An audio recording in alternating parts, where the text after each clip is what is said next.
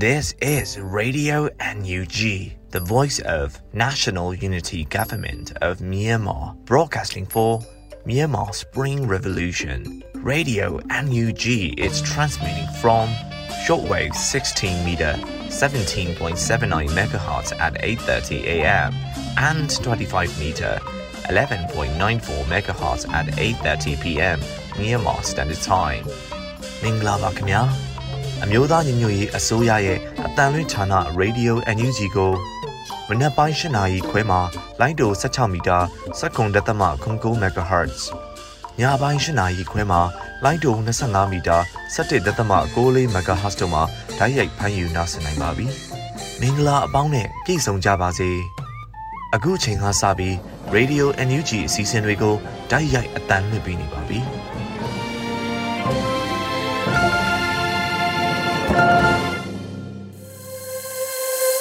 မြန်မာနိုင်ငံသူနိုင်ငံသားအပေါင်းတဘာဝပြီးစစ်အာဏာရှင်ပြည်တို့ကနေကင်းဝေးပြီးကိုစိတ်နှပြချမ်းသာချမ်းသာလို့ဘေးကင်းလုံခြုံကြပါစေလို့ Radio NUG ဖွဲ့သူဖွဲ့သားတွေကဆုတောင်းမြတ်တာပို့တာလိုက်ရပါတယ်ရှင်။အခုချိန်ကစပြီးပြည်တွင်းသတင်းတွေကိုရန်နိုင်ကဖတ်ကြားတင်ပြပေးတော့မှာဖြစ်ပါတယ်ရှင်။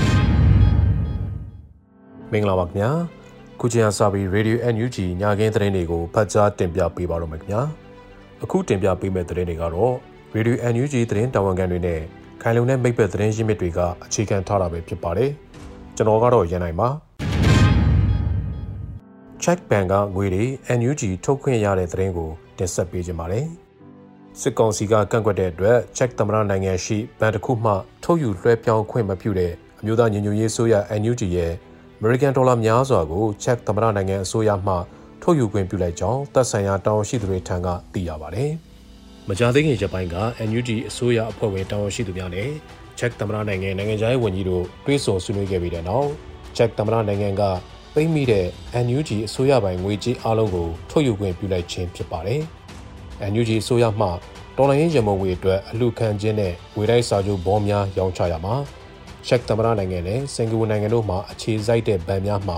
ငွေစည်းဖွင့်လှစ်ပြီးလက်ခံဆောင်ရွက်ခဲ့ပါတယ်။ အဲဒီလိုလူကန်ခြင်းနဲ့ပတ်သက်ပြီးစစ်ကောင်စီဘက်ကအဆိုပါငွေများဟာအကြမ်းဖက်လုပ်ငန်းများမှအသုံးပြုမဲ့ငွေများဖြစ်တဲ့အတွက်သက်ဆိုင်ရာဗန်အနေနဲ့ငွေထုတ်ယူခွင့်မပေးရန်စစ်ကောင်စီကကန့်ကွက်လွှာပေးဖို့ကန့်ကွက်ခဲ့တဲ့အတွက်တပ်ဆိုင်ရာဗန်များက NUG အစိုးရထံလှူဒန်းတဲ့ငွေများအားထုတ်ယူခွင့်လွှဲပြောင်းခွင့်မပြုဘဲထိန်းချုပ်ထားခဲ့ခြင်းပဲဖြစ်ပါတယ်။သို့တော်လည်းထိုကိစ္စအား NUG အစိုးရအဖွဲ့မှတောင်းရှိသူများက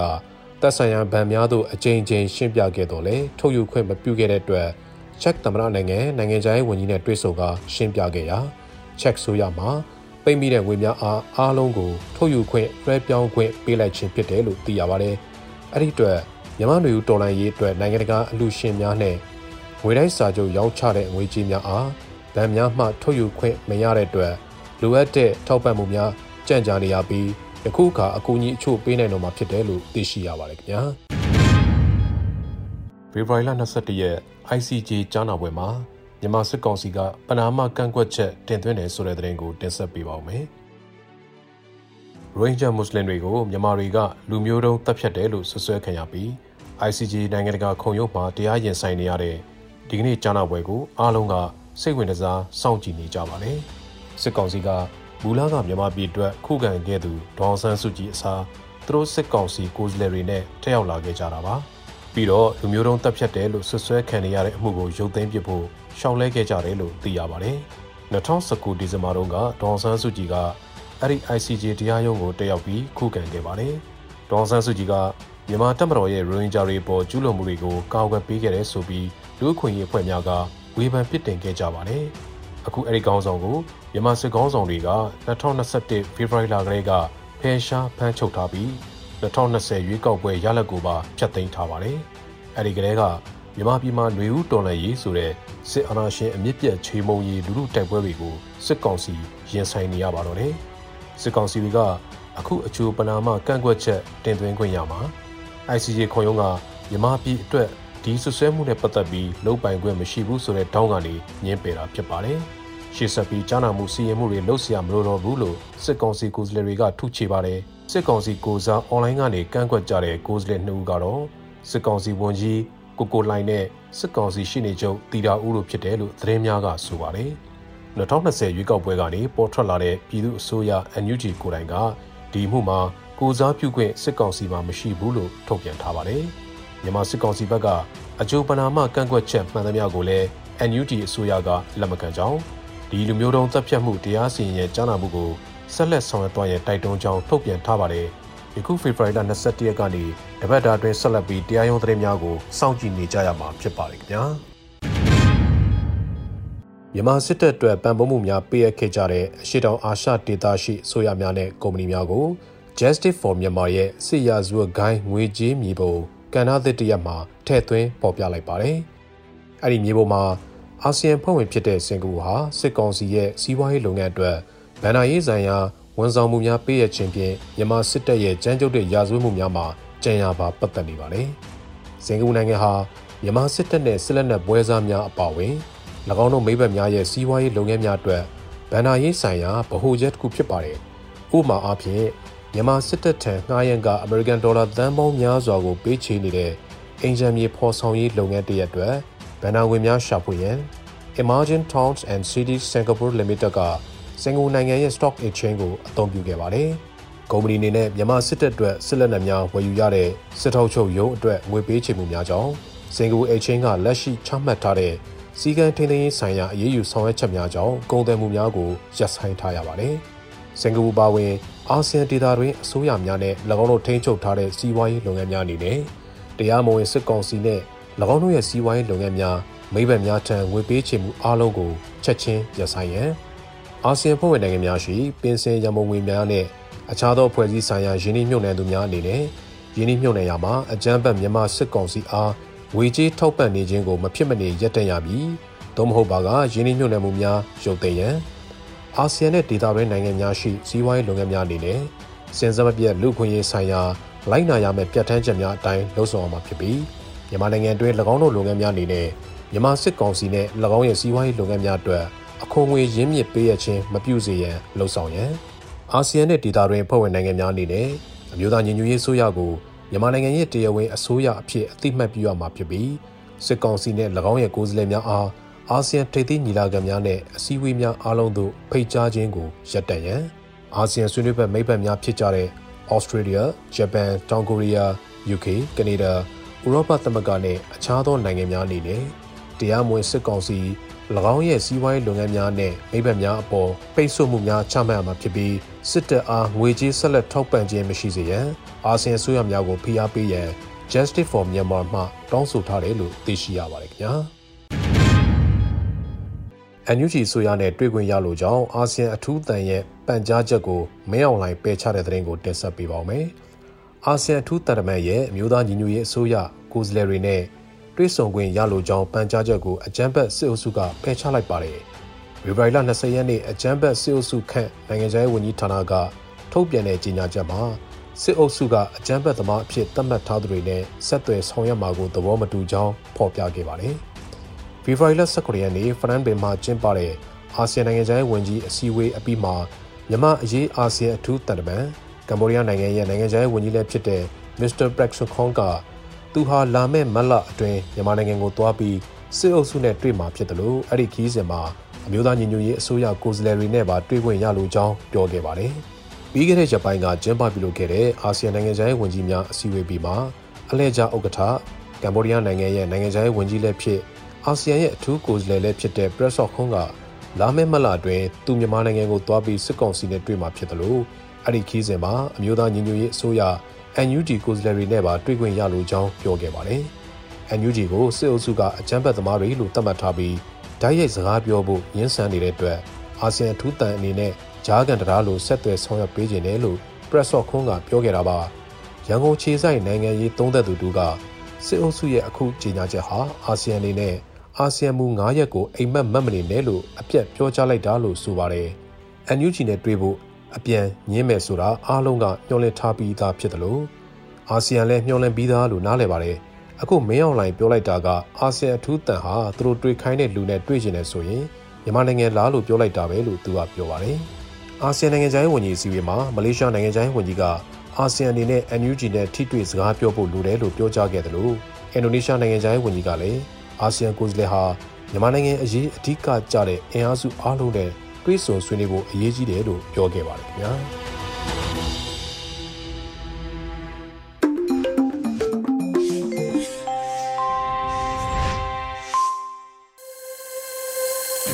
ပြည်ရင်းသတင်းတွေကိုနားဆင်ကြကြရတာဖြစ်ပါတယ်။အခုဆက်လက်ပြီးချင်းအမျိုးသားနေ့မပြေလည်နိုင်သေးတဲ့ Federal အရေးနဲ့ပြည်ထောင်စုဆိုတဲ့မိုးမခဆောင်ပါကိုຫນွေဦးမောင်ကဖတ်ကြားပေးထားပါတယ်ရှင်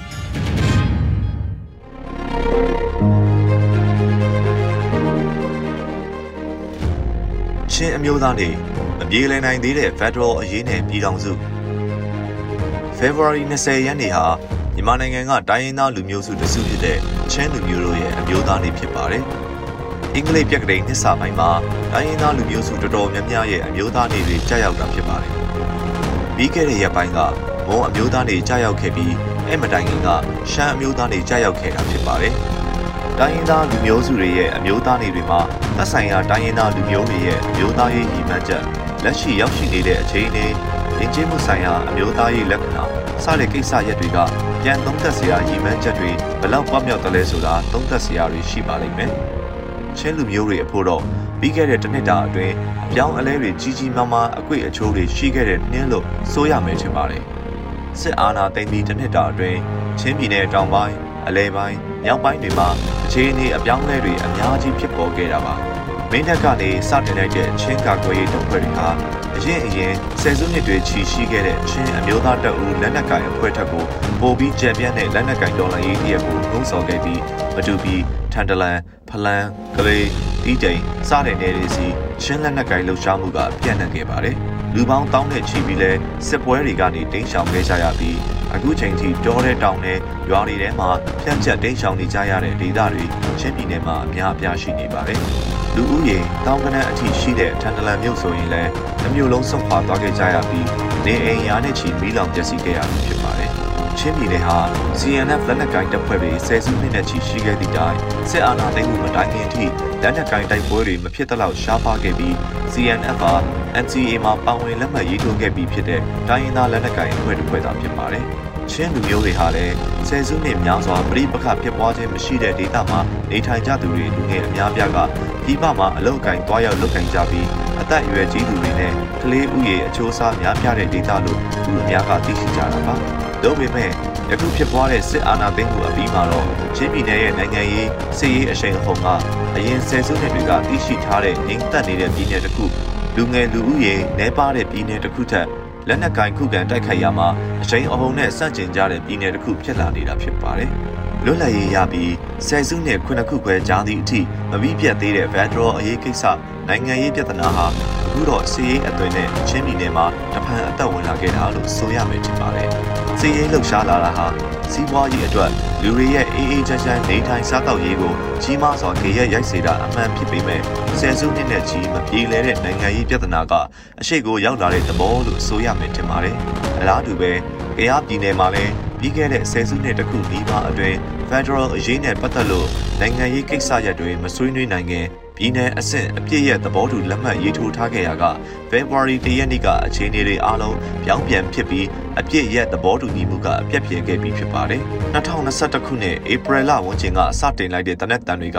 အခုအခါဘုံတန်လေရင်တန်တွေနဲ့မြို့ရွာတွေအပေါ်မှာမီးကိုလုံးတွေအပေါ်ကိုမြင့်တက်လာတဲ့အနေအထားအထိဆိုးရွားလာခဲ့တာတွေ့ရမှာပါ။ ကုန်လွန်ခဲ့တဲ့တနစ်တာအတွင်းလူဦးရေသိန်းနဲ့ချီကျေးရွာနဲ့မြို့တွေပေါ်ကဆုံခွာပြီးရာကနန်းနဲ့ချီတဲ့အရက်သားတွေအသက်ဆုံးရှုံးခဲ့ကြရပြီးရာပေါင်းများစွာလည်းဒဏ်ရာရခဲ့ကြပါတယ်။ Federal စနစ်ကိုအောင်မြင်စွာအကောင့်ထဲမပေါ်နိုင်ခဲ့ခြင်းဟာခုပြည်တွင်းစစ်ရဲ့အရေးခံအကြောင်းဖြစ်တယ်လို့ဆိုရင်မှားမယ်မထင်ပါဘူး။ Federal စနစ်ကိုအကောင့်ထဲမပေါ်နိုင်ခြင်းကိုတဖန်အကြောင်းရှာရင်စစ်အာဏာရှင်စနစ်နဲ့အခြားသောအာဏာရှင်စနစ်တို့ကအကြောင်းရင်းခံဖြစ်တာတွေ့ရပါလိမ့်မယ်။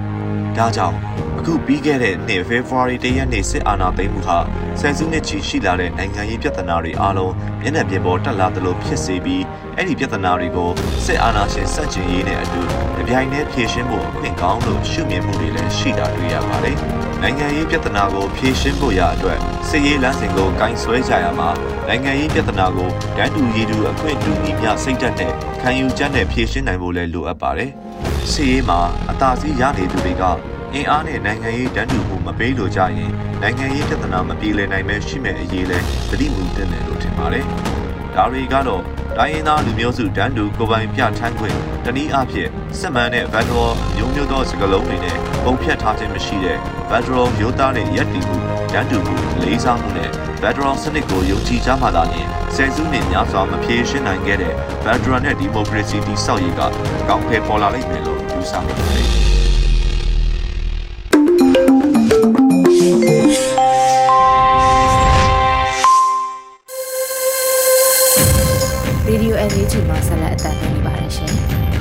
ကဗျာအစီအစဉ်မှာပညာမော်ရေးဖွဲ့ထားတဲ့လူဦးရဲကကဗျာကဗျာတွေကရေးပြီးဆိုတဲ့တော်လိုင်းကဗျာကိုဆိုရကခန်းစားဖို့ဆိုထားပါတယ်။လူဦးရဲကကဗျာကဗျာတွေကလူဦးစစ်တန်ဟိတ်နေအောင်ပေးထားပြီးငင်းငယ်ရေးခေါ်တန်တဟေးဟေးထွက်လာတော့ငင်းငယ်ရေးကဗျာပွဲတော်ဆိုတဲ့စာအုပ်လေးတွေကကဗျာတစ်ပုဒ်ကိုသတိရမိရဲ့စာအုပ်က2015 နိုဘယ်မြန်မာစာပေပွဲတော်ရဲ့အစီအစဉ်နဲ့ထွက်လာပြီးကြပြဆရာ120ကရေးထားတဲ့စစ်နဲ့ငင်းငယ်ရေးကြပြတွေဆိုပါတော့စာအုပ်ရဲ့နောက်ဆုံးစာမျက်နှာမှာကြပြဆရာမောင်စိမ့်နီရဲ့အမှတ်ရစရာကြပြကြပြကောင်းစဉ်က2015ငင်းငယ်ရေးလားဝင်ခဲ့လေကွယ်ပရိုက်ချင်လို့ကြပြဆရာတွေကအာယုံတိပါတယ် စကလုံးတွေဆိုတာဘယ်အချိန်မှဘယ်သူနှုတ်ကဘာစကားထွက်ရင်ဘာအနှစ်သာရလဲဆိုတာနတ်ပြီးသားလိုပဲဆိုလိုက်ချင်ပါတယ်အခုလဲငင်းချမ်းရေးဆိုတဲ့မြင့်မြတ်တဲ့လောကနတ်ရဲ့စကားကိုဘယ်ပါဇက်တွေနဲ့အတန်ပေးနေပြီဆိုတာကို ပြည်သူလူထုကသိပါတယ်။တိုင်းရင်းသားလက်နက်ကိုင်အဖွဲ့အစည်း EO ကနေတိုင်းရင်းသားတော်လှန်ရေးအင်အားစု ERO အထိတက်လှမ်းပြည်သူတိုင်းရင်းသားတွေကလည်းသိတယ်။ စေအုပ်စုကထာဝရငြိမ်းချမ်းရေးခေါ်တဲ့မှာဖယ်ချန်ထားတဲ့တကယ့်အင်အားစုအဖြစ်နိုင်ငံအနှံ့ပေါ်ထွန်းလာတဲ့ပြည်သူ့ကာကွယ်ရေးတပ်ဖွဲ့ PDF တွေနဲ့အမျိုးသားညီညွတ်ရေးအစိုးရ NUG ကကောင်းကောင်းသိပါတယ်။ဒီစစ်ကြီးသာစစ်စစ်မှန်မှန်စစ်သားတွေအချင်းချင်းတိုက်နေတဲ့စစ်ဆိုရင်ငြိမ်းချမ်းရေးဆိုတာစစ်သားတွေရဲ့နောက်ဆုံးအိမ်မက်ဖြစ်နိုင်မှာပေါ့အခုတော့ တစ်ဖက်မှာကမစစ်တဲ့စစ်သားတွေအခုသူတို့ရဲ့ဂိုင်းကောင်းဆောင်ကြီးရဲ့ငြိမ်းချမ်းရေးဖိတ်ခေါ်ချက်ဟာအလိန်အလှဲ့အပြည့်နဲ့လာမယ်ဆိုတာတီလို့နဲ့အင်အားစုတွေကငြိမ်းချမ်းကို လိန်လှဲ့လိုက်ပြီးညမ်းချင်းကျင်တာဆိုတာကိုခံရပါများတော့ပါနတ်နေခဲ့ပြီဒါပေမဲ့အင်အားနယ်မြေနဲ့လူလူရှိတဲ့တက်တက်ချင်းစကားပြောကြတာတကယ်အစ်စ်မှန်နိုင်ငံရေးဆိုပြီး တော်လိုင်းရေးအထယ်ကြီးပြက်တွေရဲ့လေတံကိုလည်းကြားရမှာပေါ့မဆန်းသောအစမ်းတွေပါပဲကြပြဆရာကတော့တိတ်ဆိတ်မှုရဲ့ပြားဟာငါနေကြပန်းတွေတဲကရွာတွေမီးရှို့ခံနေရပြီလို့လာပြောတယ်လို့ဆိုလိုက်တယ်ဟုတ်တယ်ကြပြဆရာတွေကတော့ဘယ်လိုဟန်ပန်ကိုကင်ဆွဲထားထားသူတို့ရဲ့စာရီယယ် တရုတ်လွန်ပုံရိပ်တွေထဲမှာမြို့ရွာတွေနဲ့အကြက်သားပြည်သူတွေဟာဒါလီရဲ့နာယီတွေထက်အဆများစွာ ပုံပြက်ယွင်းပြီးတွန့်လိန်ကောက်ကွေးလို့မိโกနှံတွေနဲ့နာယီပေါင်းများစွာအိတ်ဆက်လို့လိကေကောကနေစုတ်ခွာသွားရသူဂျာနယ်လစ်တယောက်ကစစ်ပြေးတွေနဲ့အတူတောထဲကညတွေအကြောင်း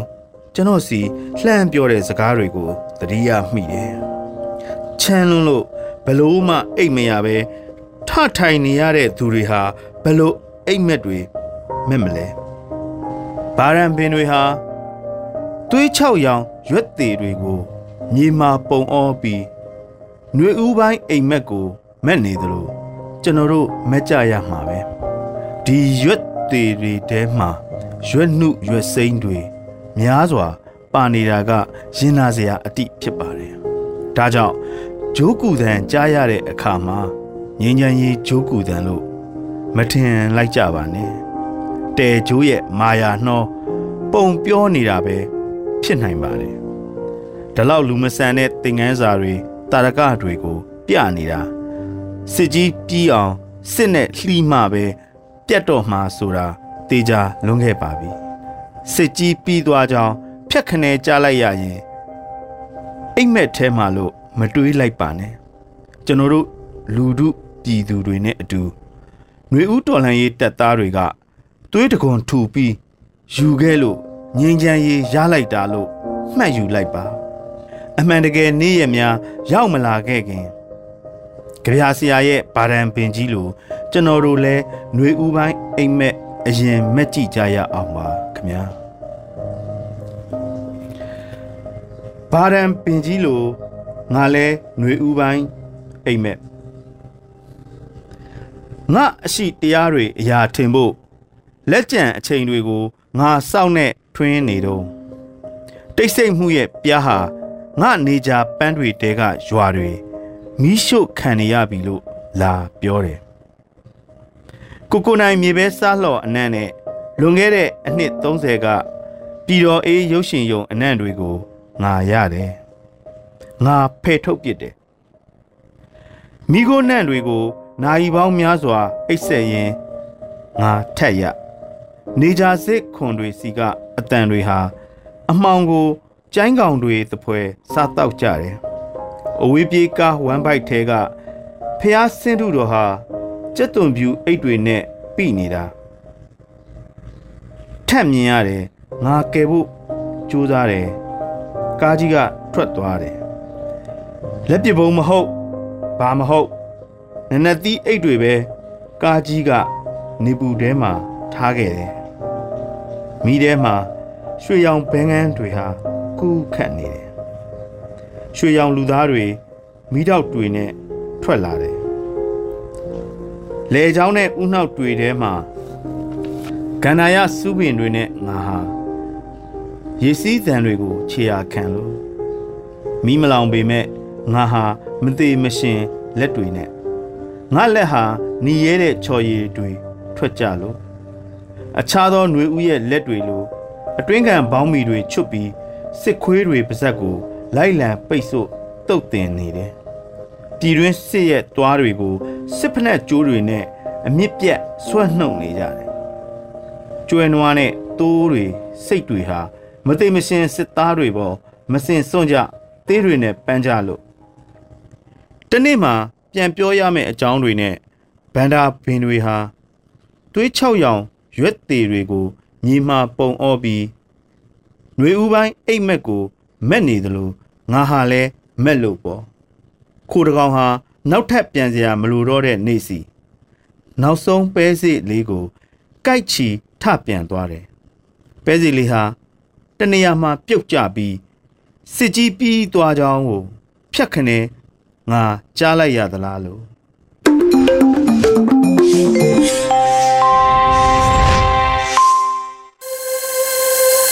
ဆက်လက်ပြီးတော်လိုင်းရေးတေးဂီတာအစီအစဉ်မှာ Liam နဲ့ Pansy တို့ရဲ့ဂျိုးပြူမှတ်တို့ငိုကြိုးတန်ဆွေးနွေးတဲ့ချင်းကိုနားဆင်ကြရတာဖြ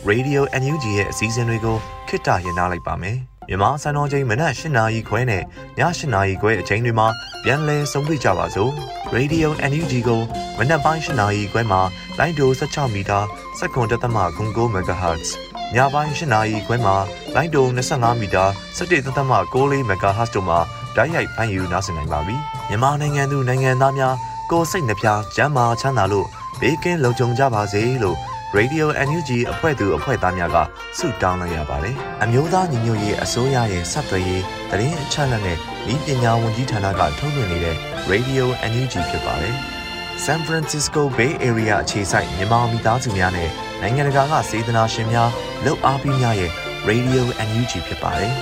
။အရေးတော်ပုံအောင်ရမည်